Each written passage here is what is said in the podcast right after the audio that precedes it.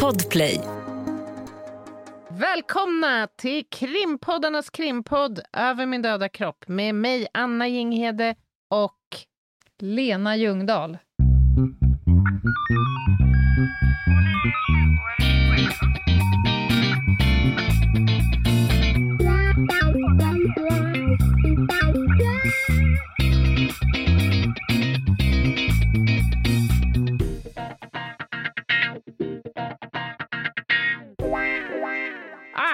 Härligt! Natt!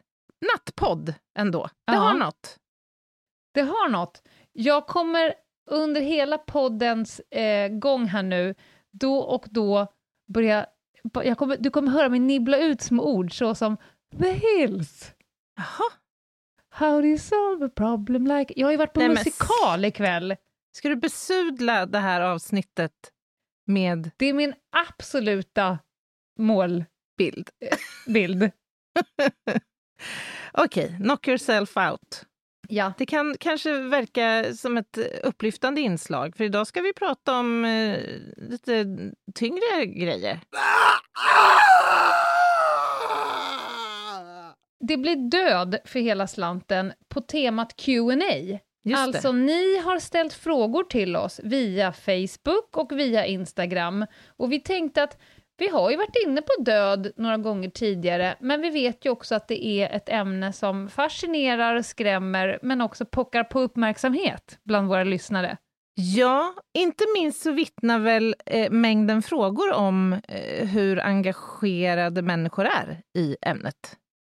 Vi kommer omöjligtvis hinna svara på alla idag, utan det kommer att bli fler avsnitt om död. Alltså vi skulle kunna göra nästa sommars följetong kanske skulle bli en på dödstema. Jag vet inte. vi har frågor så att det räcker för fem fullängdsavsnitt tror jag. Ja. Men det kommer mer. Men de, det är ganska spritt. Och, och jag reflekterade denna gång över att jag tycker att det är jävligt bra frågor. Otroligt bra frågor. Verkligen. Helt enig. Mm. Men du, hur ska vi lägga upp det här då? Ska vi börja och dra av lite frågor som är riktade liksom till oss? Våra lite mer personliga tankar och reflektioner kring temat döden. Mm. Det var ganska mycket sådana frågor. Då tänkte jag, oh, nu kommer Anna få liksom lite paniken för att kliva in i det filosofiska rummet. Ja, fast det är samtidigt lite onaniskt, så att säga. Där också. Ja. Det det är en blandning där. Jag tycker det här Ja. är väldigt intressant, temat. Men då ställer jag den första frågan till dig, och den tror jag faktiskt är rimligast till dig eftersom du är tvungen att vara liksom i dödens dal rätt ofta i, din, i ditt yrke. Hur lär man sig hantera döden på ett professionellt sätt när man jobbar som polis? Ja, men handlar det inte mycket om erfarenhet till att börja med? Det tror jag. Alltså att jag, jag känner mig ju mycket mer bekväm med, med det idag än vad jag gjorde för liksom, 10-15 år sedan. Mm. Så är det. ju. Alltså jag tror erfarenheten är viktig. Och också kanske kunskap, att veta hur man ska agera på ett rättssäkert men också professionellt sätt och utan att det innebär en alltför stor emotionell belastning för en. Man utvecklar lite tekniker. Då kan jag bara säga att jag håller med. Jag är ganska övertygad om att du liksom jag har gjort vår resa från att stå där på lite Skälvande skakiga ben. ben när man ska göra eh, den här eh, testa på en likvisning, när man är på sitt första skarpa döds eh, eller lägenhetsundersökning, att liksom se Mm. den första döda tjänst, till att efter ett antal år inte ha någon större påslag Nej, på sitt eh, affektregister. konto. Nej, exakt. Men, men får jag fråga dig Lena, har, har din syn på döden förändrats av att ha arbetat ett, ganska många år som polis? Förhåller du dig annorlunda till döden som fenomen numera? Mm, jag kanske har fått ett större spektrum. Alltså Mm. man har ju sett alla former av nyanser. Den ensamma döden, Mm, den våldsamma döden, mm, den eh, enormt tragiska döden, mm. den efterlängtade döden, om man ska nu tänka mm. det, folk som tar livet av sig. Det, är liksom, det finns ju så många olika sorters död och det, innan hade man väl bara synen på att man har haft äldre människor i sin släkt som har dött. Typ. Just det. Intressant perspektiv tycker jag. Mhm. Och f- för, egen, ja, men för egen del så, så landar jag ju i det här med förgängligheten. Liksom. Man, har, man har fått se den här tunna fina linjen mellan liv och död på, på nära Mm. håll så att säga. Och det innebär ju att man ofta blir mer medveten om sin egen såklart sårbarhet men också hur viktigt det är att maxa livet som vi Mm. faktiskt har fått till låns en stund av. Och det gör vi, Anna. Det kan man säga. Det kan man. Där, där, är vi, där är vi tjocka på det kontot. Definitivt. Vi, alltså man kommer säga om oss på ålderns höst, de här Ja. brudarna, de har jävlar i mig levt. De Ja. har levt. Där satt det inte fast, hörru. men, men eh, jag vet ju, och du har ju pratat om det lite i podden också, du har ju eh, lite privata liksom, erfarenheter också, där Mm. jag antar att du också har reflekterat kring, kring döden och dina egna eventuella farhågor eller rädslor kring att själv dö. Ja, ja absolut. Och då gick man ju från mitt i livet till frisk som en nötkärna, jag kommer dö när jag blir gammal. Mm. Till när någon kommer utifrån och säger, du kanske rent av är döende precis just nu. Mm. Och det är ett avbräck Ja. som heter duga. Och, och det var nog också min katalysator att leva på utav Satan om man nu får en, en stund till. Mm. Eh, Jag blev ju sedermera efter behandling och tid eh, frisk. Mm. Men, men jag har ju varit där, Mm. skrivit det där brevet till mitt barn Mm. Som, Gud. som han kan läsa om det inte går vägen och så Ja. vidare. Och då Ja. samsas, samsas, eller samsades jag rätt mycket med tankar. Fan, ska det ta slut nu? Och har jag Mm. gjort rätt saker? Och Mm. om jag nu får en ny chans, ska jag, göra, ska jag leva på något annat sätt? Mm. Och så vidare. Så att jag stuvade om rätt rejält i mitt liv, ska jag säga. För en fråga som jag fått också är ju om, om vi är rädda för, att- för att dö. Är du rädd för att dö, Lena? Jag är inte rädd för själva ögonblicket att dö. Jag är nog rädd för att gå miste om, och då blir det ju oftast koppling till barn. Mm. Att inte få vara där, att inte få vara med, att inte se, att inte kunna hjälpa till, att inte kunna stötta. Det är min rädsla. Själva ögonblicket att dö är jag inte så rädd för. Nej. Nej, exakt samma svar här. Jag är inte Okej. ett dugg rädd för att dö. Alltså jag är inte rädd för döden som sådan. Men, Nej. Men det här andra. Effekten av den. Konsekvensen Mm. av den.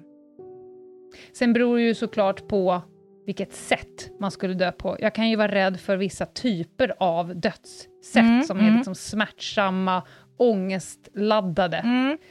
Eh, Och det har vi också fått en fråga kring. mhm. Alltså vad skulle ni helst dö? Vilka Vilken Det här är så fråga. otroligt morbida frågor. Vad skulle ni helst dö av? Respektive inte helst dö av? Jesus. Eh, ja, men, snabbt och inte så smärtsamt i så fall. Ja. Och, och inte, alltså för det är någonting som har krypit in under huden. Mm. När man är i bostäder där man förstår att det är en långvarig ensamhet, ingen som saknar en. Just det. Eh, och det, det är väl ett sätt jag önskar att jag inte skulle Mm. dö på. Mm. Eh, men, men exakt huret, om, fort, Mm. fort bara så att man Mm. inte hinner, hinner vara med. Ja, jag säger detsamma. Plötsligt och oväntat. Gärna i Mm. sömn. Alltså kanske, när jag tänker efter, kanske att jag skulle kunna tänka mig en plötslig hjärtdöd när jag precis har slagit den perfekta backhanden och eh, Roger Federer står på andra sidan. Om jag skulle kunna få är det träna... inte ett helt meningslöst Nej, men- tillfälle? Kan du nju- alltså, Ja, du tänker så. Men jag tänker att, att själva... om du liksom- väl har han där, jag menar, Ja, skulle du fast- inte kunna utnyttja honom lite, lite till Oh, än att sant. slå en boll på honom? Sant. Men det, jag tycker ändå, jag skulle ändå dö liksom med ett leende på läpparna inbillar Ja, jag okej, mig. jag fattar så. Mm. faktiskt. Mm. Det skulle i och för sig kunna innebära döden för mig också om, det här, om jag skulle få ett besked om att det här skulle kunna hända. Det, det skulle i sig kunna räcka faktiskt. Okej, ja. Har du något värsta dödssätt? Ja, du sa, nämnde det här med ensamheten naturligtvis. ensamhet. Och sen så, det finns en scen återkommande i olika typer av skräckfilmer Mm. som är nog mitt värsta. Levande begravd. Just det. I Ja, en igensnickrad låda under jorden när man vet att det är liksom, du har fyra minuter syre. Mm. Den typen av död är, jobbar inte för mig alltså. ja just det. När, ja, jag fattar, precis. När det liksom, tiden är definitivt utmätt, men det kommer ändå kännas som oceaner av tid innan det väl Ja. sker. Ja. Där har jag lite liknande. Och Jag- du kan sparka och slå och skrika, det är ingen som hör dig. Exakt, Ja, Det vill säga, jag har tagit ifrån dig makten att kunna påverka situationen. precis. Det är kanske just därför den är i hemska filmer, för att det är liksom Mm. definitionen av hemskhet. Jag skulle vilja addera där minuterna efter att ett flygplan har kapats och eh, där Ja. man har övertagit spakarna för att eh, störta, eller så. Eller Mm. för den delen ett haveri där man vet att vi kommer störta. Mm. Eller för den delen, det har jag tänkt på när jag läst lite böcker och så, hur dåtidens så kallade häxor brändes på bål. Ja, Den, och de hade inte tillräckligt bränsle, så man kanske Just bara det. brände upp alltså, halvt. det kunde ta en stund så att säga. Ja, men. Ja. Nej, för sjutton, jag tycker vi går vidare. Det här, jag fick Ja. handsvett när jag tänkte på det här. Men du, hur, hur ehm, hanterar du tankar kring döden i det praktiska? Till exempel när du ska resa bort. Är du en sån här som döstädar, dödsstädar? Alltså, det känns ju lite jinxigt alltså. Gör inte det? Ja. ja. Jo.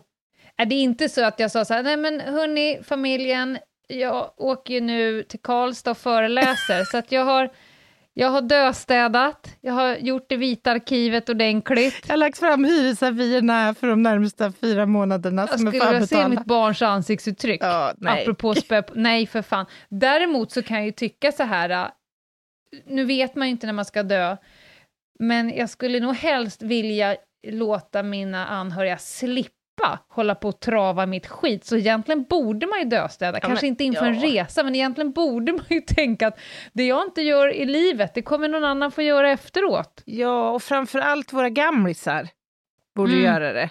Alla som bor kvar i stora hus och som har samlat på sig liksom lösöre under Ja. 70 års tid. Man kanske också själv ska låta bli att åka dit och ställa sina jävla skolarbeten för att man inte själv vill ha dem. Det, Kan inte de stå hos dig? Vad ska du göra med dem? Det är du själv som kommer få ta hand om det när jag dör. ja, men då har man ändå Släng skjutit skiten istället. problemet framför sin stund. Det är så Ja, man tänker då. släng skiten Ja. istället. Det är Ja. ingen som är intresserad av din C-uppsats om, inte vet jag, Nej, någon svamp. jag håller helt med dig. Är det nog på filosofiska rummet? Ska vi, vi kommer återkomma dit. Ja, låt oss eh, ta ett annat tema. Ska vi prata lite grann om dödsbud, Lena? Har du lämnat många dödsbud i tjänsten? Inte många, tack och lov, eftersom det är en fruktansvärd uppgift att göra. Det är en Ja. fruktansvärt viktig uppgift, men det är också eh, jobbigt satan. Mm. Men jag har ju också fått va- vara med som lärare på de här lektionerna. Mm. Och för er som undrar hur mycket man utbildas, ska jag säga att det är ungefär, man har en föreläsning om döden och dödsbud, och sen så har man eh, ett seminarium, typ, om det, och sen får man öva praktiskt, Mm. och sen har man ett reflektionsseminarium efteråt. Det är ungefär liksom gången, utbildningsdelen man får, och döds, dödsbudsövningen på skolan, det är ingen jävla gråtfest. Ah, det fy ska man ju säga. fasen alltså. Ja, verkligen. Då blev det på riktigt, Det- när man stod på den lektionen. Ja, ja det tänkte håller jag med. nej, men snickare, är inte det ett yrke för mig? Ja, men alltså, jag tror att eh, många upplever att det är bland det värsta man kan göra i tjänsten som polis. Och det är lite så här, visst erfarenheten hjälper dig där, men det, det är liksom ändå lika svårt och lika jobbigt och kräver det allra yttersta av en varje Mm. gång. För det där, du sa att det här är viktigt och det håller jag verkligen med om, för att det där samtalet, det kommer förfölja människor i ett helt liv. Man vet att efter att jag har sagt det här som jag kommer säga nu så kommer flera, många människors liv förändras för evigt. Jag har ju varit hemma vid ett tillfälle när det har kommit och knackat på. Gud, Och det kan jag säga, jag vet, kommer inte ihåg hur gammal jag kan ha varit, kan ha varit pff, övre tonåren kanske. Mhm. och när det knackar på, då var jag hemma i, i mina föräldrars villa, och när det knackar på, mm. och det är också någon som kommer vid fel dörr, Ja, alltså, vet, de tror, man, känner man känner på en gång att det här är något, och så öppnar man dörren och så står det tre, eh, två poliser som ser så sjukt aviga ut i sin... Mm. Jag kommer ihåg att jag tittade på dem och bara, du har inte din bästa dag på jobbet nu. Mm. Och så kommer de in och så säger de hej, vi är från polisen, och så vill de ju då, för jag kan liksom dra lite samtidigt hur man lägger upp dödsbud här. Mm. Eh, det, det, man säger att det ska ske skyndsamt, men man gör ju faktiskt vissa förberedelser. Alltså man läser ju in sig på handlingar, man får ju vara beredd på att om man kommer få tusen frågor, kanske, eller så blir det helt tyst. Eh, man vill ju också vara säker på att man kommer till rätt hus. Man kanske till och med begär ut foto så man vet hur den här personen kom, ser ut, mm. så att man inte lämnar dödsbud till grannen, så att säga. Ja. Eh, man kollar också om det kan behövas tolk och så vidare, så gör man ju upp en plan och man gör sig beredd. Men, men då där, när de säger de hej, vi kommer från polisen, pratar jag med mm, mm, mm. Ja, det är riktigt. Ja, kan vi komma in? Det är någonting vi vill prata om. Och någonstans där så förstår mm. man ju att det här är inte bra. Mm. Eh, och så var det i det här fallet. Och sen är det ju ungefär att man bara säger rakt upp och ner, precis som det är. Man lindar inte in någonting, Nej. man försöker inte förenkla eller försköna, utan bara rakt, korrekt och tydligt. Mm. Lisa Karlsson, eran mm, mm, mm, dotter, syrra, morsa, eh, har tyvärr avlidit. Mm. Och någonstans där kan man ju sen bara hålla käften, för sen kan det ju bli tystnad, det kan bli gråt, det mm. kan bli skrik, det kan bli ilska, det kan bli helt knäpptyst och apatiskt, och det, man bara tänker så här, hörde de inte vad jag sa? Mm. Mm. eh, så. Men, men det är en tystnad, men sen så är regeln då att inte lämna ensam, och så var det även i det här fallet. Nu ska vi åka, finns det någon vi kan ringa? Mm. Eh, finns det något mer som ni tycker vi borde liksom prata med och sådär? Men mm. det är eh, uppstyrt och man vill vara mentalt förberedd. Ja, Absolut, det är jätteviktigt och jag kan bara instämma. Man vet ju aldrig vilken reaktionen blir, så att säga. Nej. Och ibland så kan det vara så att man blir kvar en halvtimme på den här platsen och ibland mm. fem timmar. Målsättningen är att man ska kunna lämna liksom, i ett läge när det känns som att de här men, mottagarna av beskedet ändå har stöd på något sätt omkring sig och mm. klarar av att hantera den här informationen ensamma. Ja, ibland ringer man ju dit människor, ibland kan det till och med bli så här jourhavande präst. Ja. Alltså, regeln är att du ska inte vara ensam efteråt. Mm. Jag har haft med mig präst eh, vid ett antal sådana här tillfällen och det har ju hjälpt mig själv, om inte mm. annat, väldigt, väldigt mycket. För att här har vi ju ett läge där man faktiskt riskerar att bli liksom sekundär traumatiserad av den här reaktionen Absolut. och av den här e-, enormt svåra, ibland vägglika eh, varianten av ångest och smärta som faktiskt möter en. Vi har ju fått frågan hur berättar man för föräldrar att deras barn inte längre finns? Eh, likadant, mm. skulle jag säga. Det är ingen skillnad, utan man är bara beredd på ännu mer sorg egentligen, än om man kommer och berättar om att din jättegamla skruttiga farmor... Alltså det blir inte mm. riktigt samma typ av reaktion, såklart. Eh, men man gör det likadant där. Mm. Men man är, är ju beredd. Ja, och det viktigaste skulle jag säga är när man har lämnat ett sånt här besked, det är ju att eh, de här som är nu drabbade också får en kontaktväg till oss för mm. att kunna ställa alla de här frågorna som finns mm. och som alltid följer ett sånt här besked. Mm. Det kan handla om hur kroppen såg ut, vad var det som hände exakt, vad var det för väder när det här hände? Ja, massa frågor som kan verka närmast obetydliga, men som är oerhört viktiga för de här som sörjer och som har påbörjat sin sorgeprocess att kunna komma vidare. Och en sak som jag vet man tar upp på seminarier på skolan, det är ju också hur oemottaglig personen är för information. Mm. Så de kan behöva höra alltihopa en gång till lite senare, för de har ingen jävla aning om vad du har sagt. Nej, exakt. Eller vad de själva har frågat, eller vad de har fått för svar. Mm. Nej, det är helt riktigt. Det vet man ju själv, man sitter liksom, och det vet jag genom hela sjukhusvängen. Jag var ju tvungen att ha med mig någon som kunde lyssna, för jag hörde fan inte vad de sa. Nej. Bara, har jag ställt den här frågan? Ja. Har jag fått ett svar? Ja. Vad sa de? Och så Mm. fick liksom en annan, min kompis, berätta för mig vad som har sagts, för att man själv är helt utloggad. Ja, man kan inte ta Man in. fastnar någonstans vid du kanske ska dö, och sen Mm. efter det så är det som att hjärnan inte riktigt är med på vad det är som händer. Fy, vilken enormt belastande och påfrestande situation. Mm. Verkligen. Och det var ju någon som undrade också eh, hur det här funkar i mindre städer. Att det händer att man behöver lämna, om det händer att man behöver lämna dödsbud när man känner den som har Just avlidit. Eh, och alltså såklart, arbetar man i en mindre stad så händer det ju regelbundet att människor eh, avlider eh, och det blir ett polisiärt ärende. Och där Mm. man känner eller känner till den som avlidit. Eh, men regeln här är ju att, att i största möjliga mån undvika att eh, lämna dödsbud i en sån situation, helt enkelt. Ja, och det är ju mycket kopplat till att du gör mest troligt inte så bra jobb om du själv är liksom känslomässigt påverkad. Nej, exakt. Vi ska ju också skydda våra poliser. Mm. Du ska ju vara uthållig i ditt yrke, så kan man välja någon annan. Jag har ju gjort det själv när jag är på väg till adresser eh, där man tror att det finns någon död, och själva jobbet är att åka dit och ta reda på det. Mm. Och känner man igen adressen så kan man ju Mm. säga, vänta, vänta, vänta här nu, är det min gamla skolkamrat, eller är det Mm. min gamla dagmamma, eller sådär, ta reda på det innan, så bara, nej, jag ska inte göra det här. Inte för att man inte tror att man inte kommer klara av det, Mm. men ibland finns det bättre lämpade.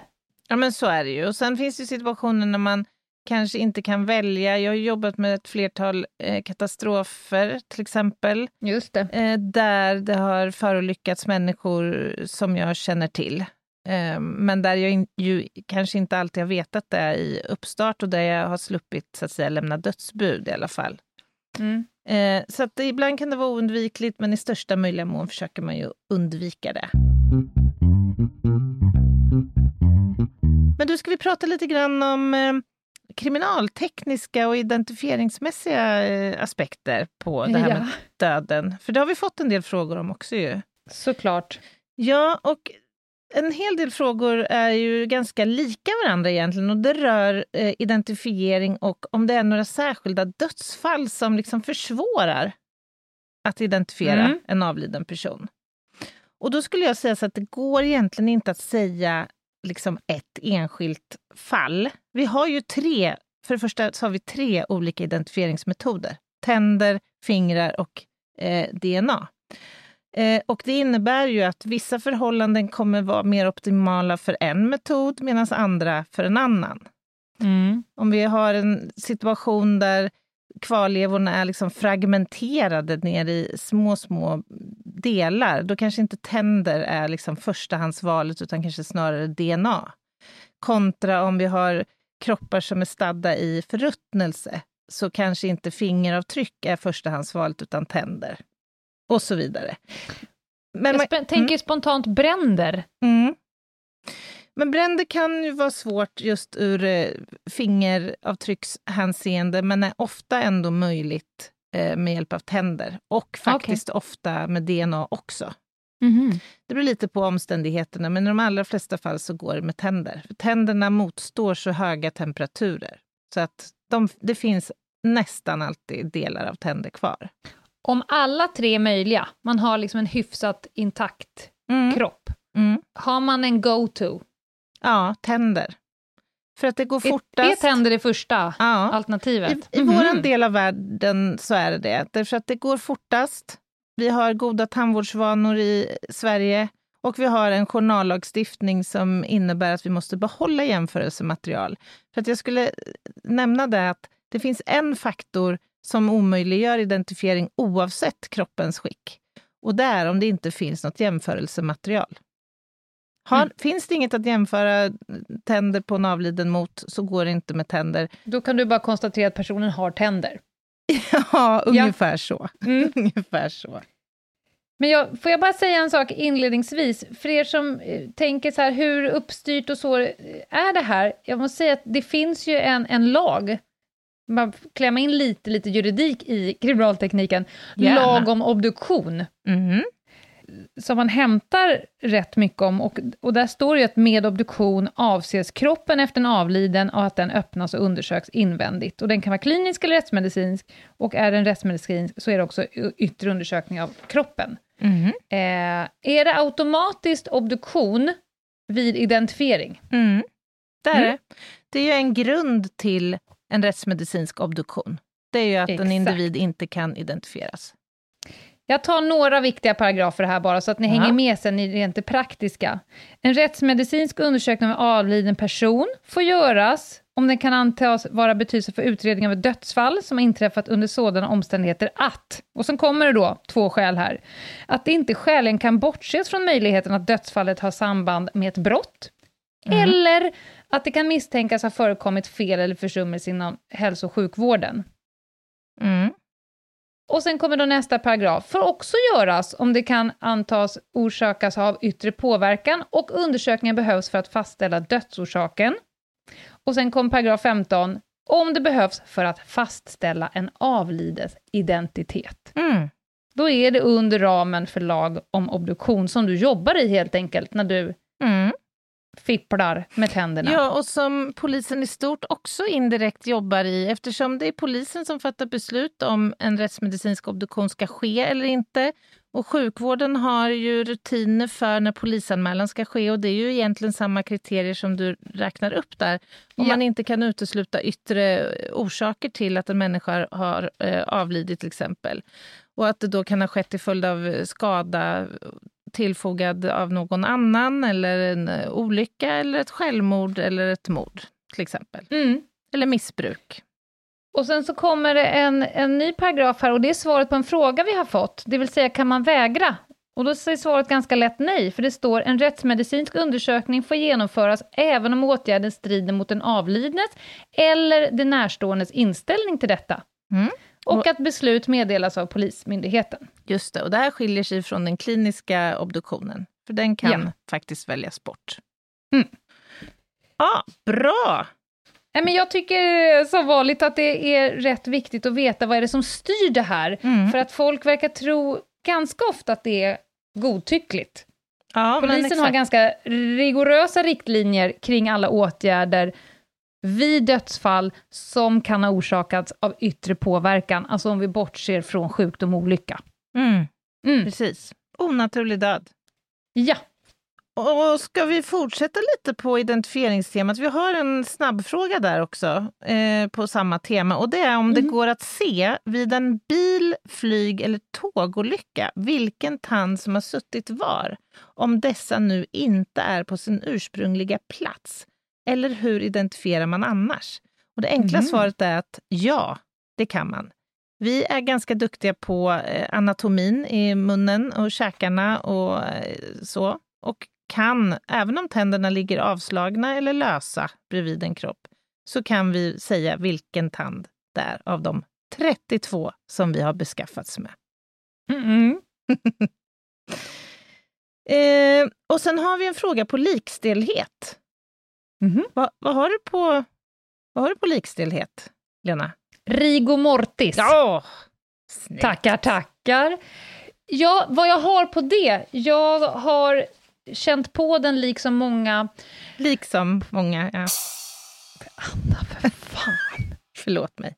Varsågod, Ja, fortsätt. när man står där som elev på rättsmedicin och de, de drar fram ett lik och sen ska man öva på avvisitering av död person. Mm. Och så får man också ta sin varsin lem, ett arm eller ett ben och så får man liksom... Nej men, Ja, ja, ja. Det lät... Man tar sig en lem helt enkelt och bryter i den, tänkte du säga. ja men om vi nu Men bara så ska hårdra det så är det exakt det man gör. Ja, ja, ja. Så får man liksom ta en arm och så får man känna på hur det känns. Och då tänker man så här, jävlar vad personen ligger och spänner emot. Mm. Alltså det blir väldigt, det är därför det heter likset, det blir väldigt stelt. Ja, det Ja. blir det verkligen.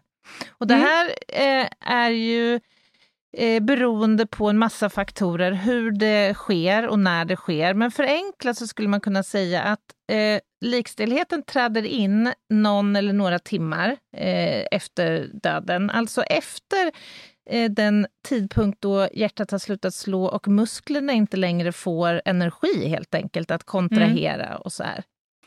Eh, och först så, till, så inträder ju det här i små leder, fingerleder, käkleder och så vidare. Och sen kommer det då successivt liksom utbreda sig under, eh, över hela kroppen. Och det här tar kanske 12, 14, 15 timmar där någonstans, lite beroende på de yttre mm. Omständigheterna och också dödsorsaken. Eh, och sen, Släpper det sen? Ja, visst. Sen kommer man ju ha så att säga som en platå kan man säga. Ja. När hela kroppen då är väldigt, väldigt stel och det inte går att bryta som det kallas likstelheten. Men sen i takt med att förruttnelsen börjar kicka in och eh, muskelfibrerna slappnar av så kommer man sen kunna att bryta li likstelheten i lederna igen. Och sen kommer den då kvarstanna i ett avslappat liksom, läge. Mm. Och det här är en jätteviktig princip för att sen kunna uttala sig om en eh, dödstidpunkt eller ett postmortalt intervall som det kallas. Ja, och det kan ju vara då eh, information för er när ni sitter och gör eh, olika saker, eller för en, en dödsfallsutredning eh, generellt. Så är det väldigt viktigt så att man klockar. Hur var kroppen när den hittades? När mm. För det kan ju faktiskt hända saker under... Jag kan säga att det är en väldigt lång väntan. Om man hittar en död person och sen väntas och väntas och väntar och sen mm. ska det komma till exempel en läkare och fastställa eh, att personen är död. Mm. Jag tror att vi har fått en fråga, va? När polisen får göra det. Var det inte en sån fråga? När polisen får eh, fastställa döden? Ja, och då kan jag säga även det är uppstyrt. Mm. Generellt så eh, gör polisen helst inte det, men om, om det är liksom solklart fall, vi pratar typ total förruttnelse, att huvudet är avskilt från kroppen eller sådana saker. Eh, det står till exempel i den här uh, riktlinjen så står det, är det ingen tvekan om att döden har inträtt exempelvis vid förruttnelse eller skador som är uppenbart dödliga, mm. får polisman ombesörja att den döde förs direkt till bårhus för läkares fastställande av döden har inträtt mm. och eh, utfärdande av dödsbevis. Annars så väntar man helt enkelt på plats ja. tills det kommer en läkare till platsen. Och när det är klart, då ska man också vänta på politi. Och då kan det hända rätt mycket mm. saker med den här kroppen under alla de här eh, timmarna. Mm, mm. Och då vill det till så att man är lite med där, att nu är kroppen likstel när vi kommer, nu är den inte längre, mm. eller tvärtom. Mm. För det kan vara jätteviktig information i utredningen ja, kring dödsfallet. Och det är ju inte helt ovanligt när den här distriktsläkaren, som det oftast är, som har kommit då, eller kallats till platsen, kliver in och kan konstatera att här är det inte fråga om tidiga dödstecken, det vill säga andning, hjärtslag och Nej. puls och så vidare, utan snarare sena dödstecken. Och då kommer de ju snabbt eh, fylla i blanketten och sen kommer vi att beordras ut till platsen. Kan du beskriva några sena dödstecken, förutom likstillhet? Ja, då har vi ju eh, likkylan, till exempel mm. kroppstemperaturen som också följer ett, eh, eh, ett schema kan man säga. Där, där vi också har en liten platå direkt efter döden, det vill säga det händer inte så mycket med kroppstemperaturen under några timmar. Men sen så brukar man säga förenklat att kroppstempen sjunker ungefär med en grad per timma. Och mm. även det här är ju beroende av eh, yttre miljö och klädsel och lite allt möjligt. Och sen har vi ju såklart eh, livor mortis, likfläckar. Mm. Som också beter sig på ett visst sätt och där man genom att studera de här lite närmare kan få en, en viss uppfattning om eh, hur länge sedan det var en person avled, helt enkelt. Jaha, ska vi lämna identifiering och kriminalteknik eh, facket och kanske gå på en liten paus. Jag, jag, kände också det, att nu behöver jag röra upp knälederna här, så att det inte blir rigor mortis. Nej, det vill vi inte. Vi tar en paus. Ett poddtips från Podplay. I podden Något Kaiko garanterar östgötarna Brutti och jag, Davva, dig en stor dos skratt. Där följer jag pladask för köttätandet igen. Man är lite som en jävla vampyr. Man har fått lite blodsmak och då måste man ha mer. Udda spaningar, fängslande anekdoter och en och annan arg rant. Jag måste ha mitt kaffe på morgonen för annars är jag ingen trevlig människa. Då är du ingen trevlig människa, punkt. Något kajko, hör du på podplay. Därför är gardinerna. Välkomna tillbaka. Ni lyssnar på Krimpoddarnas krimpodd och idag ägnar vi hela avsnittet till temat döden. Och det är ni som har ställt frågorna eh, som vi besvarar i det här avsnittet. Det är avsnitt 178 och nu tänkte vi prata lite grann om juridiska aspekter på det här med döden och lite grann hur polisarbetet kan te sig i de här fallen. Ja, och då har jag ju redan nämnt att det är ju rätt uppstyrt. Det finns ett par olika lagar som styr detta, till exempel lag om obduktion. Men sen så, jag sitter här med en bibba papper framför mig som heter Polismyndighetens riktlinjer om åtgärder vid dödsfall. Eh, och det är ganska...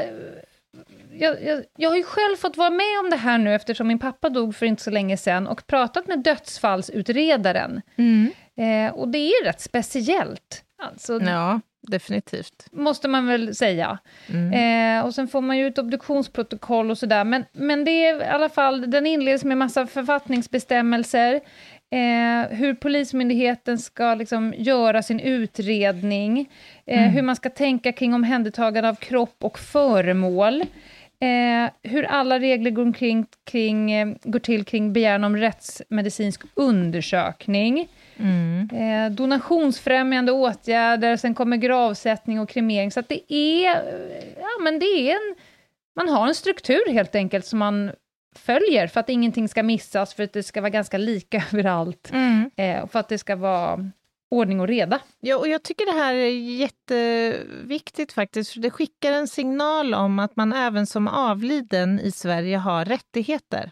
Mm. Och det tycker jag är en oerhört fin och viktig rättsprincip.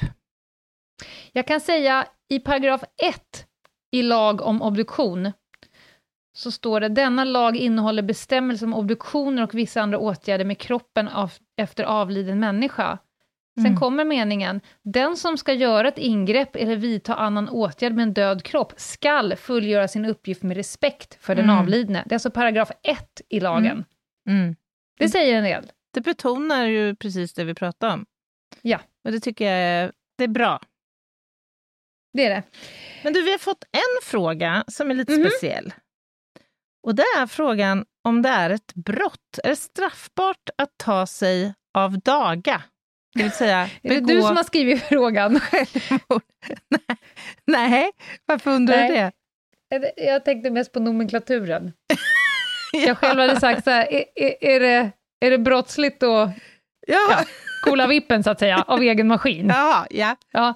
Eh, svaret är nej. Det är inte ett brott eh, att begå självmord. Nej. I Sverige. Däremot så kan det vara straffbart att hjälpa någon annan att göra det. Absolut. Och det är ju ganska rimligt att det inte är straffbart, för det är ju väldigt svårt att föra någon till åtal för att ha gjort det, så att säga. Ja, framförallt är det svårt när gärningsperson och målsägande är samma person. Mm. Mm. Precis. Det blir svårt. Det ställer till ett. Mm. Så åklagaren är också försvarare och försvararen är också åklagare. Ja, det, det blir stökigt. sörjigt. Ja, det blir sörjigt. Nej, det går ja. inte. Nej, det är det inte. Sen finns det ju väldigt mycket eh, skyddsparagrafer i Sverige, för att eh, samhället vill ju ändå inte att folk ska gå den vägen. Suicidprevention finns även det på polisutbildningen, mm. och det här har vi pratat om tidigare, och vi kommer komma in på det. Men rent juridiskt, så nej. Mm. Det är inte ett brott. Har du eh, behövt göra HLR eh, i tjänsten som polis, Lena? Ja, det har jag gjort. Inte alls många gånger. Jag kan säga så här att jag har gjort det fler gånger utanför tjänsten än i tjänsten. Mm. Mm. Faktiskt. Sådär när folk har fallit ihop på konsert och på gatan och, och så. Mm. Färre gånger i tjänsten. Eh, oftast för om det händer någonting och någon ringer 112 så är ambulansen där väldigt snabbt. Mm.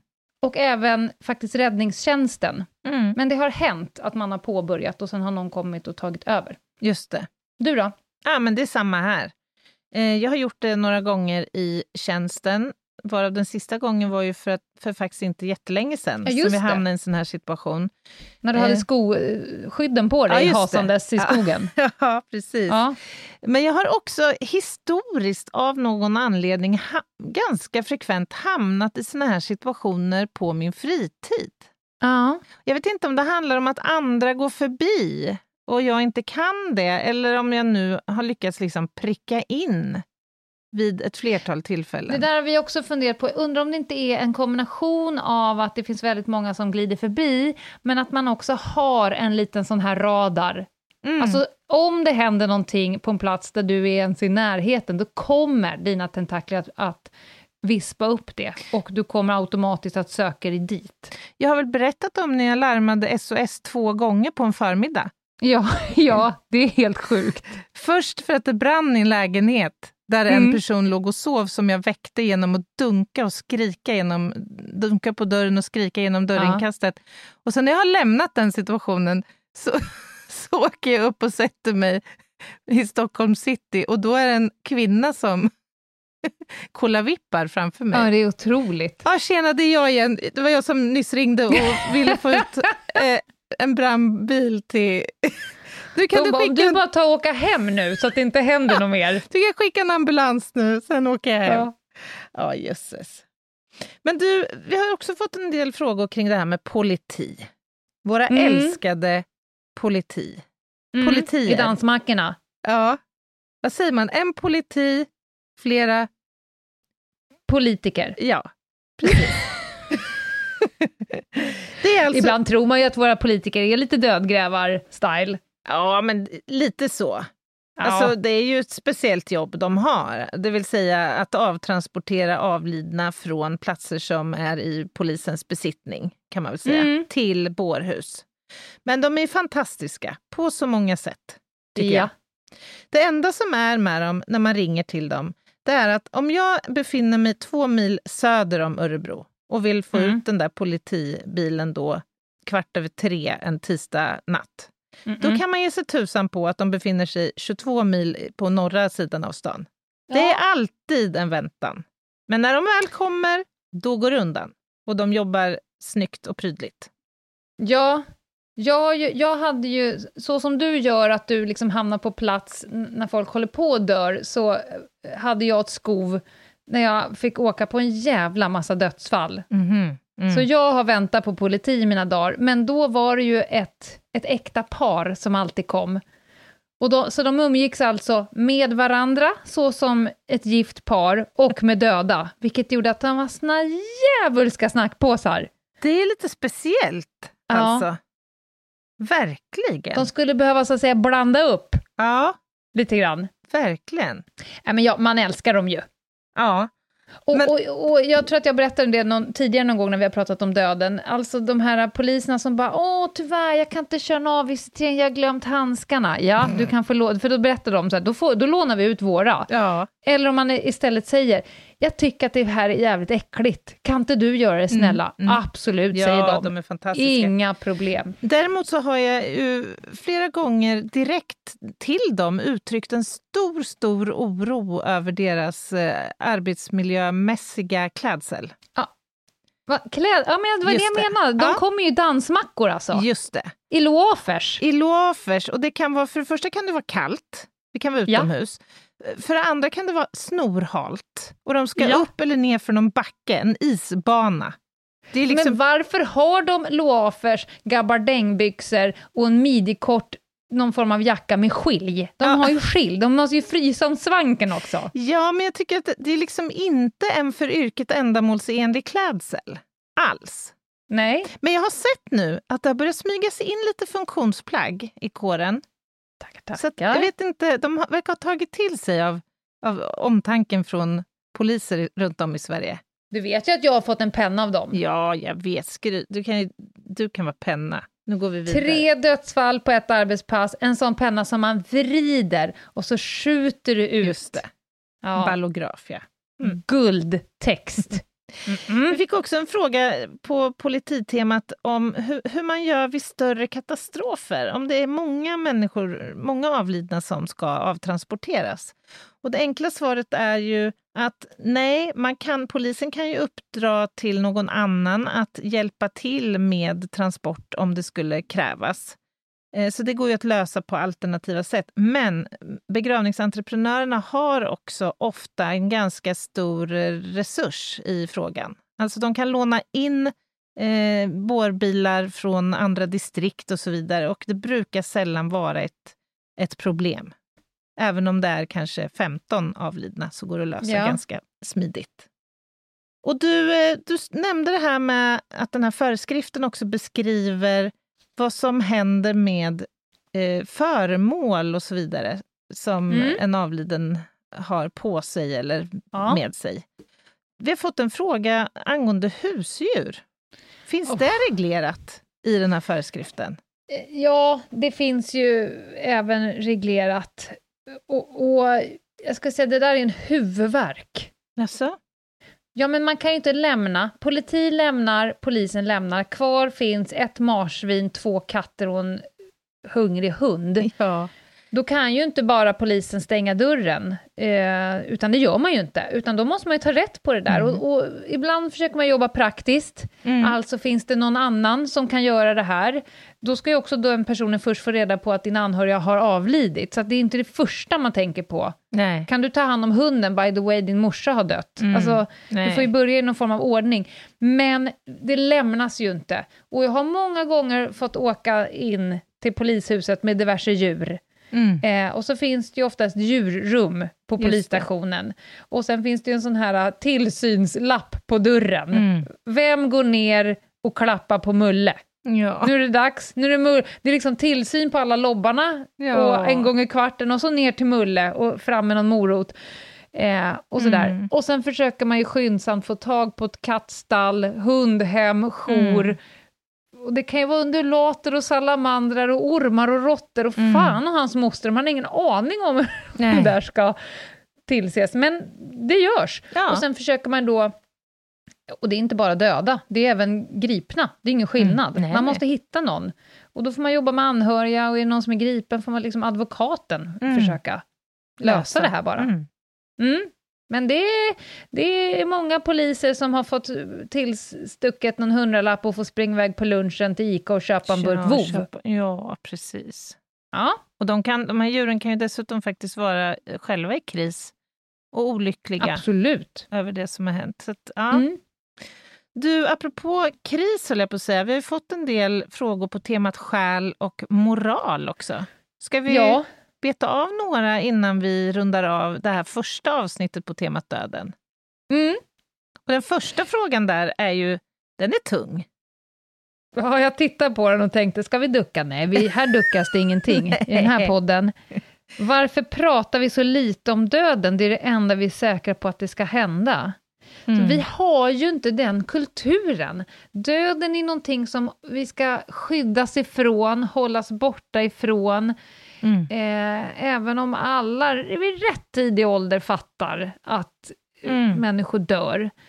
Eh, men jag tror att många människor skräms av tanken att vi inte mm. liksom ska finnas med för alltid. Det handlar väl egentligen om rädsla, när det, när det samtidigt också är en sån enormt stor del av livet ju.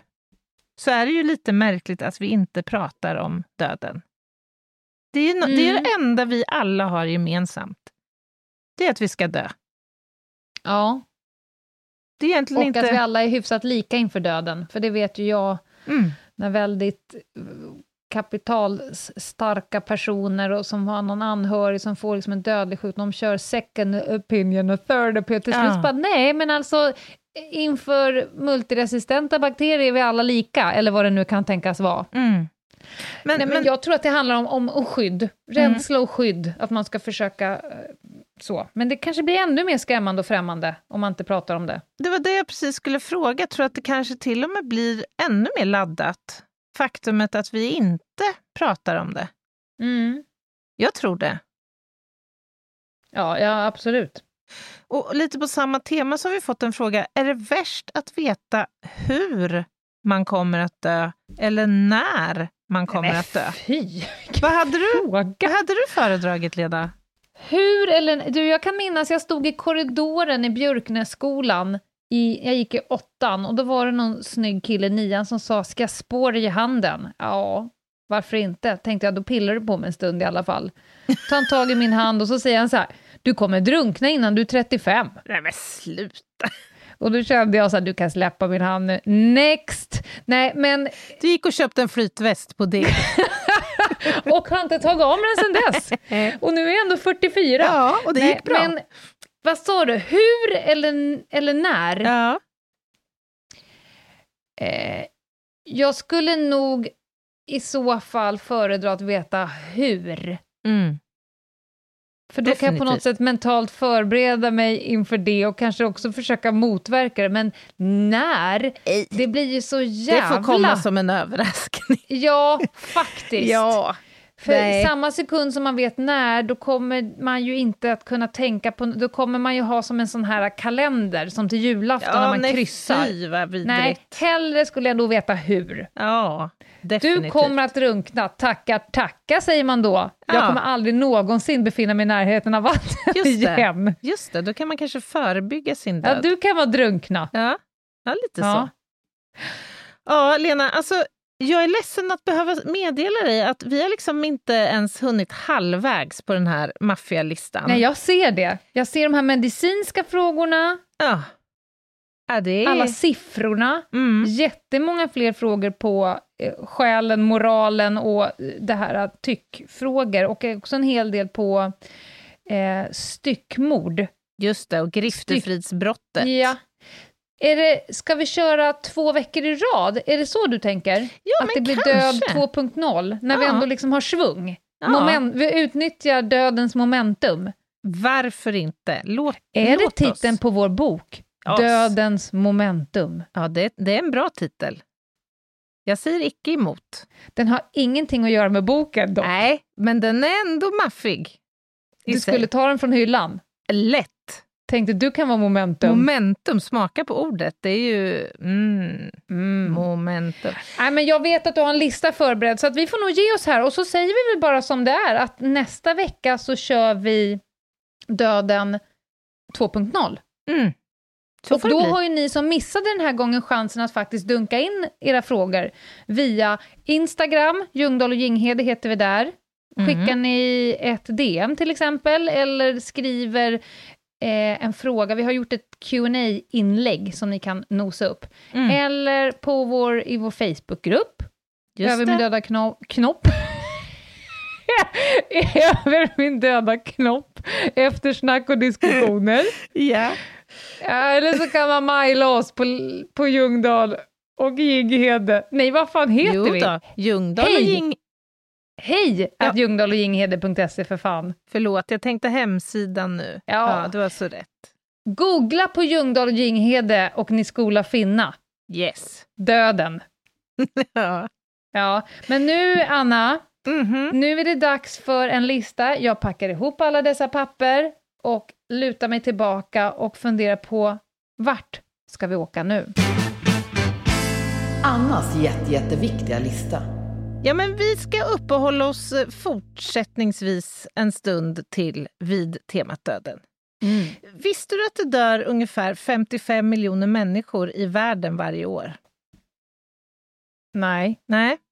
Eh, och gemensamt är ju det här som vi nyss var inne lite grann på, att vi vet ju inte hur det här ska ske. I regel inte. En del vet för att de har fått en medicinsk så att säga, dödsdom. Men många vet ju faktiskt inte hur det här ska ske.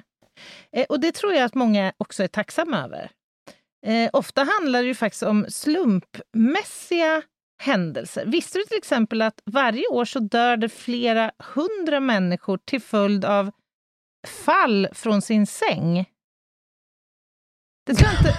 Ja, men... Köp en annan säng, tänker jag. vad fan är det? Ja, men vad förvånad man skulle bli. Tänk dig själv. Wow, här tänkte jag gå upp ur sängen och så ramlar och så jag ur sängen död. och så dör jag. Ja, men det, ja. det har ju inte många förväntat Exakt sig. när tänker du att själva förvåningen skulle uppstå? I fallet. Kan du, I fallet? tänker du, satan, jag som bara skulle sträcka mig efter pottan, ah. nu faller jag mot min död. Hur hög säng kan vi ha? Tänk du, då, då, hinna tänka du ska hinna tänka rätt många tankar och tänka så här, du kan liksom bedöma avståndet, konstatera att nej, det här, nej, det här, det här kakan, blir min död. det här kommer inte gå. Jag kommer att dö. Nu blir jag förvånad. Otroligt oh, spänstigt. Ja, ja, men kort sagt, det finns ju människor i historien som knappast hade kunnat föreställa sig hur döden skulle ske. Och jag, mm. jag, tänkte, vi har varit inne på det här i, i, en annan lista, men jag tänker det här blir liksom 2.0 då på temat.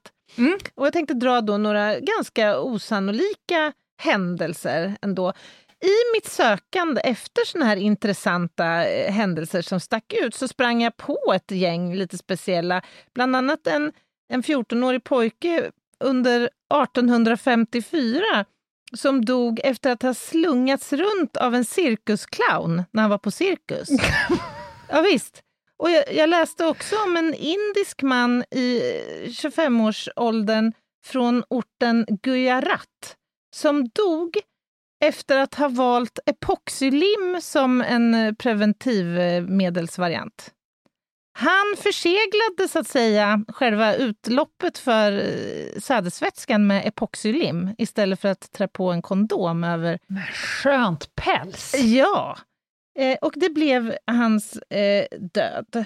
Jag har också... Men vänta, vänta, vänta, vä vänta. Du, fan har du tagit? Jag är fortfarande kvar vid en clown som står och snurrar en unge i ena Ja, men foten. det här är bara ett litet förspel, Lena. Jaha, men också, vänta, vänta, han som har doppat snorren i lim. ja. Hur dör han? Ja. Alltså det känns som en långväga gå att liksom, ja nu har jag täppt till hålet så att säga. Ja, men jag tänker att det här är oerhört toxiskt. Tänk när det här sen penetrerar de fina slemhinnorna där i, i, i könet så att säga. Det är som ett bättre avsnitt av Arkivex. Ja, ja, det här är Är det det här som kallas för blue balls? Ja. Ja, det, det låter jag vara osagt. Jag, jag, jag, tänker bara att det är en otroligt olycklig utgång på en stund som hade kunnat bli väldigt Jag skulle säga att det var en härlig. otroligt tilltäppt utgång. ja, definitivt. Ja, men jag fortsätter här. 1500-talet, där har vi Pietro Aretino, en mm. italiensk författare som ja. dog mitt i ett skrattanfall. Han, han skrattade sig till döds. Och det här skulle då ha skett i samband med någon form av någon form Skrattyoga på länskrim. humorfest. Ja, typ så. Eh, vi har också exempel på människor som har ätit sig själv till döds. Jag tänker då till exempel på Adolf Fredrik. Eh, du vet eh, den svenska kungen som regerade eh, på 1700-talet någon gång. Mm -hmm. Han hade i slutet på 1700-talet vistats på hälsohem. Men när han kom tillbaka till Stockholm från det här hälsohemmet så tog han sig ett riktigt skrovmål. Och i bulletinen om kungens död så stod det att läsa Hans Majestäts dödsfall har skett av indigestion, av hetvägg, surkål, kött med rofor, hummer, kaviar och champagne. Och greve Johan Gabriel Oxenstierna han responderar att det är ej att omkomma på det mest lysande sätt utan att dö en prostdöd. Ja, så det här, det här omnämndes då i, i, i svensk media. Var det Edvard Blom som dog så? Lena! Jag tänker också att det är jättesynd för den som ligger bredvid efter den där middagen. Ja, verkligen stackars. Men nu kommer jag då till lite mer... Alltså jag, har, jag har valt att inte kategorisera i, eller numrera idag. För det, Nej, det, okay. Är det utan inbördes ordning idag? Det passar sig inte liksom att rangordna döden ändå, tycker jag. Där går, där går ändå någon gräns. Men jag skulle okay. vilja börja prata lite grann om öldöden. Har du hört talas om den så kallade ölfloden i London som inträffade i, under 1800-talet, 1814? Nej, men dör inte alla britter ölfloden varje ja, pubkväll? Det, det alltså här... ölfloden är ju varenda gränd i hela England efter klockan 15 varje dag. Ja, du har helt rätt. Vi kanske ska ta bort den här punkten från listan faktiskt. för att, Nibbla mig, därför Kör. Du har helt rätt. Öl, öldöden drabbar ju åtskilliga. Men det som var lite speciellt med just det här var att det var alltså ett stort kar på ett ölbryggeri som, som eh, brast med över 610 liter, nej, 610 000 liter öl. Mm. Och det här medförde då att andra behållare också gick sönder och sprang läck. Och mer än 1 470 000 liter öl rann ut och forsade ut då på de, här om, på de omgivande gatorna. Och det här dödade åtta personer. Tänk. För att de slickade i sig så mycket, Nej, eller de var det drunknade drunkning? väl i öl. Jaha. Förstå vilken, vilken överraskning alltså. Ja, nu vart var det förvåning igen. Ja, och lite på samma tema, champagnekorkdöden. Det händer Jaha, några rätt gånger. i tinningen. Ja, visst, då läste jag en Daily Mail-artikel. Den är visserligen från 2008, så den har ju några år på nacken. Men där kan man alltså läsa att det är fler människor i USA som dör av flygande champagnekorkar än av giftbett från spindlar. Ungefär 25 stycken, 25 dödsfall varje år i USA. Och hälften inträffar på bröllop. Frå du ser frågande ut nu. Nej, jag, jag visualiserar. Ja, Har, har, finns det en särskild liksom an, eh, eh, en sån sådär nedslagsyta som är bättre eller sämre? Jag gissar att den träffar någonstans i något form av vitalt eh, organ. Mm. Huvud, någonstans illa. Ett öga som pressas. Jag vet inte. Jag vet faktiskt inte. Men lite på Mm. samma, på födoämnestema så har vi också Death by coconuts. Ja, okej. Det här kan man ju ganska lätt förstå att, att det händer att kokosnötter faller ner från sina träd och faktiskt tar död på människor. Och eh, 1984 så gjorde man i Australien en studie på det här. Och eh, eh, det är ganska intressant då för att då gjorde man en, en uppskattning att kokosnötsdöden dödar 150 människor varje år i världen. Mhm. Och, och då ska vi jämföra det här med att dö av hajattacker som människor generellt är ju väldigt Ja, rädda för. Vilket är eh, omkring fem dödsfall varje år. Mm. Kokosnöt 150. Det, gör, det görs fler filmer på haj-temat Ja, just det. än på Jag tycker, kokosnötsdöden. alltså, temat kokosnötsdöden känns ändå... Alltså, du måste ju bygga upp en jävligt stark intrig, tänker jag. Om det ska sluta För med... att det ska kännas som att du fick ett ordentligt onaniskt slut. Ja, Hinner du bli förvånad, Anna, när du dör kokosnötsdöden? nej, högst oklart. Högst oklart. Nästa då, eh, vilket Ja. är eh, den... Jag näst- älskar tempot idag. Ja, svung här Jag nu. hinner inte eh, knappt tänka. Nej, men det är för att Ja. den är så jädra lång listan idag. Jag vill, att, Kör, jag vill inte att du fan. ska gå miste om det här härliga. Kommer du till vad det är så- som är det sista som lämnar oss? Kommer det? Ja, ka- kanske. Ja. Mm. Dans. Dansdöden, Lena. Det här Mm. tänker jag kommer gripa tag i dig. Mm. Har du hört talas om dansepidemin som skedde 1518 i Strasbourg Nej. i Frankrike? Nej? Okej. Alltså, det Är det zoom, när zumban kom till stan? alltså den korta versionen är att en kvinna då vid namn Frau Trofea. Oj! Mm. Är det, vänta, vänta, vänta, vänta, vänta, vänta, vänta. Är det hon som är liksom den heliga modern av Trophy Wife? Vad är Trophy Wife för något? Eller vad då? Vad det är? Vad snackar du om nu? Förstår Men ingenting. kammarkakan. Va? Trophy Wife? Trophy Wife. Det har du aldrig hört.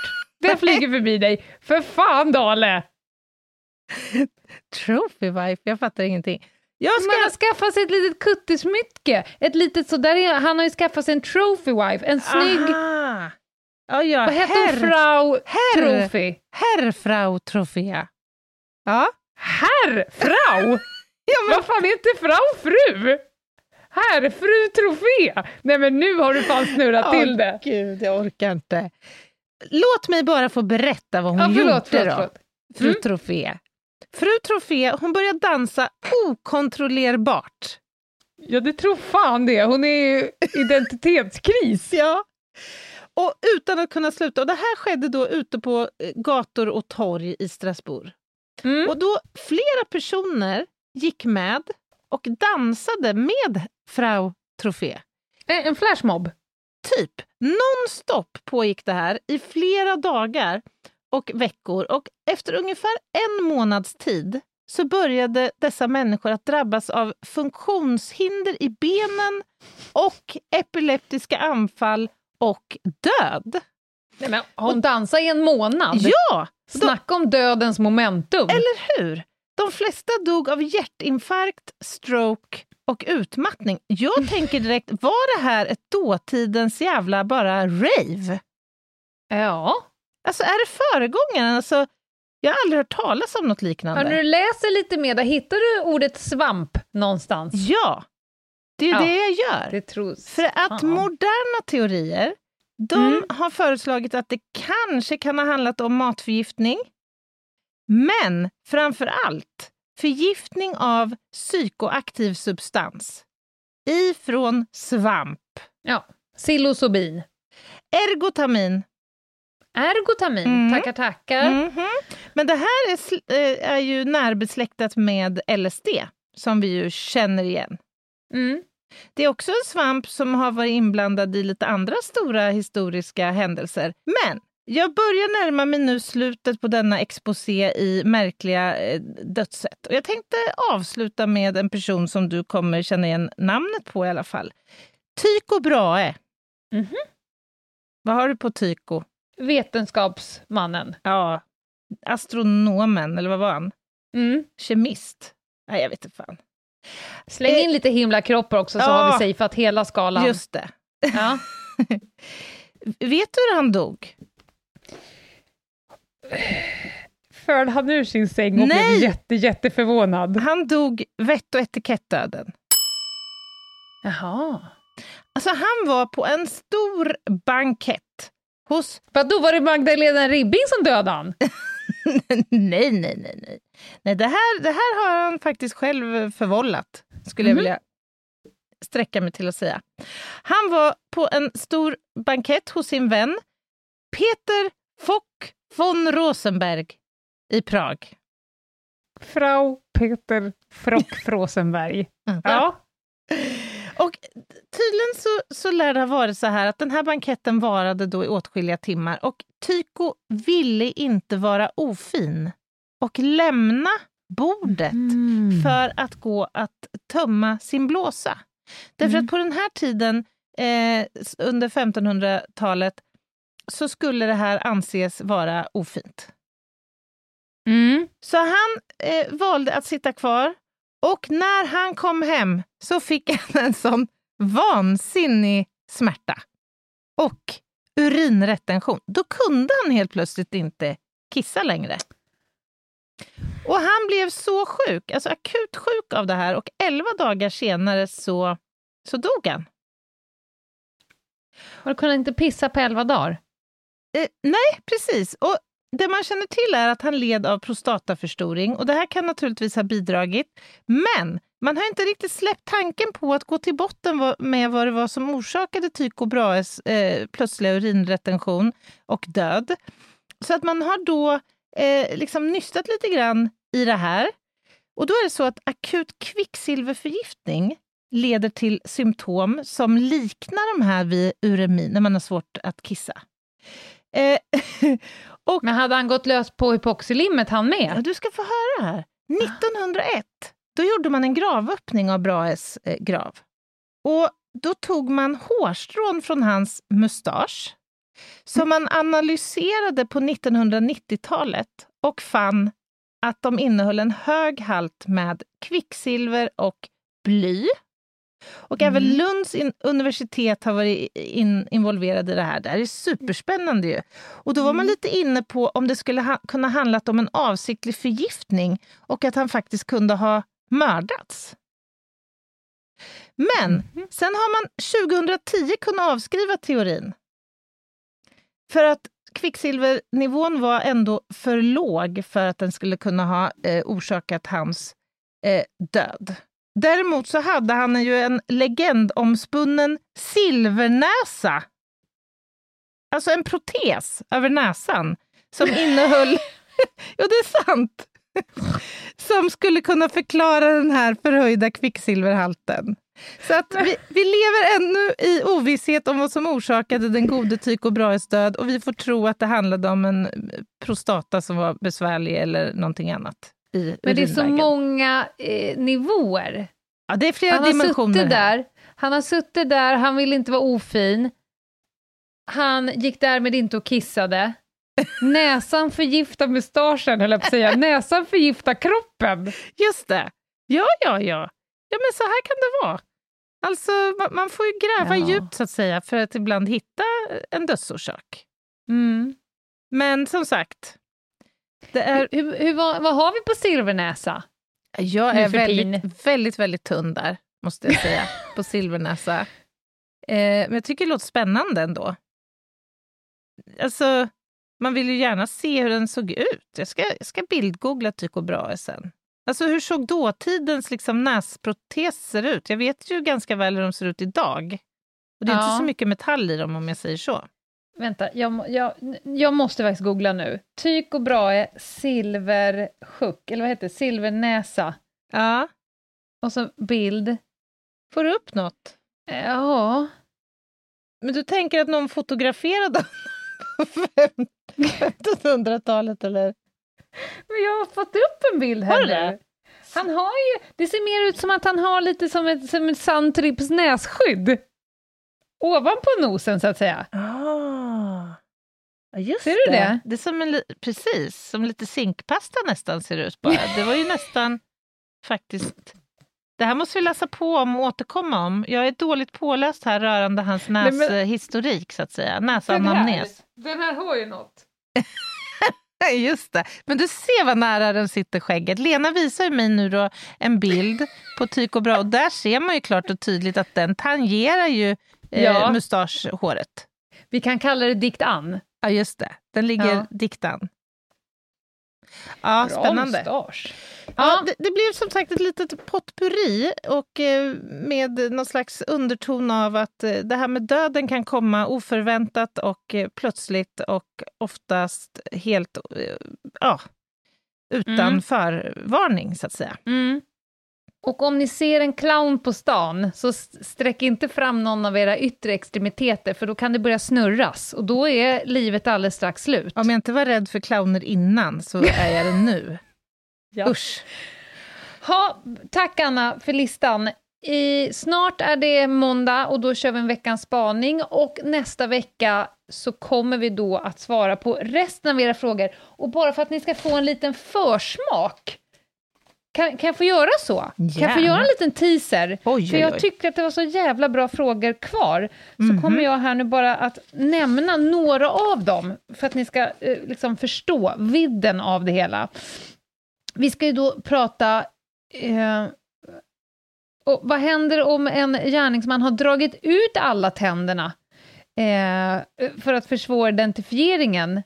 Om man mm. då hittar tänderna en bit bort, kan man säga att de tillhör en viss person? Eh, stämmer det att man kan se om en styckad person har varit tatuerad även om man inte hittar den tatuerade kroppsdelen? Alltså finns det bläck kvar i lymfsystemet? Jätteintressant fråga. Mm. Eh, vi kommer också prata lite om när döden är som fulast. Mm. Alltså vad är den fulaste typen av död? Vi kommer prata butterfly-effekt. Vad det. väger själen? Vi kommer prata lite siffror om uh, kvinnor och män som mördar uh, varandra. Och så den här frågan tycker jag är den roligaste frågan kanske.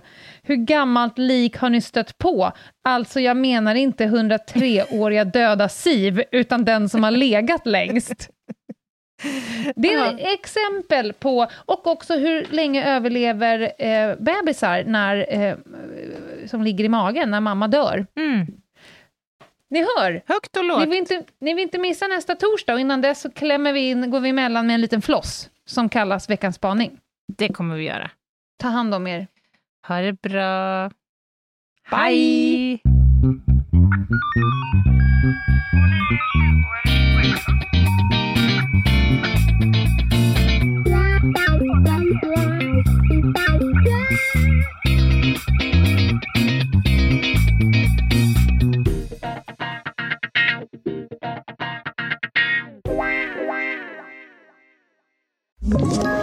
Ett poddtips från Podplay.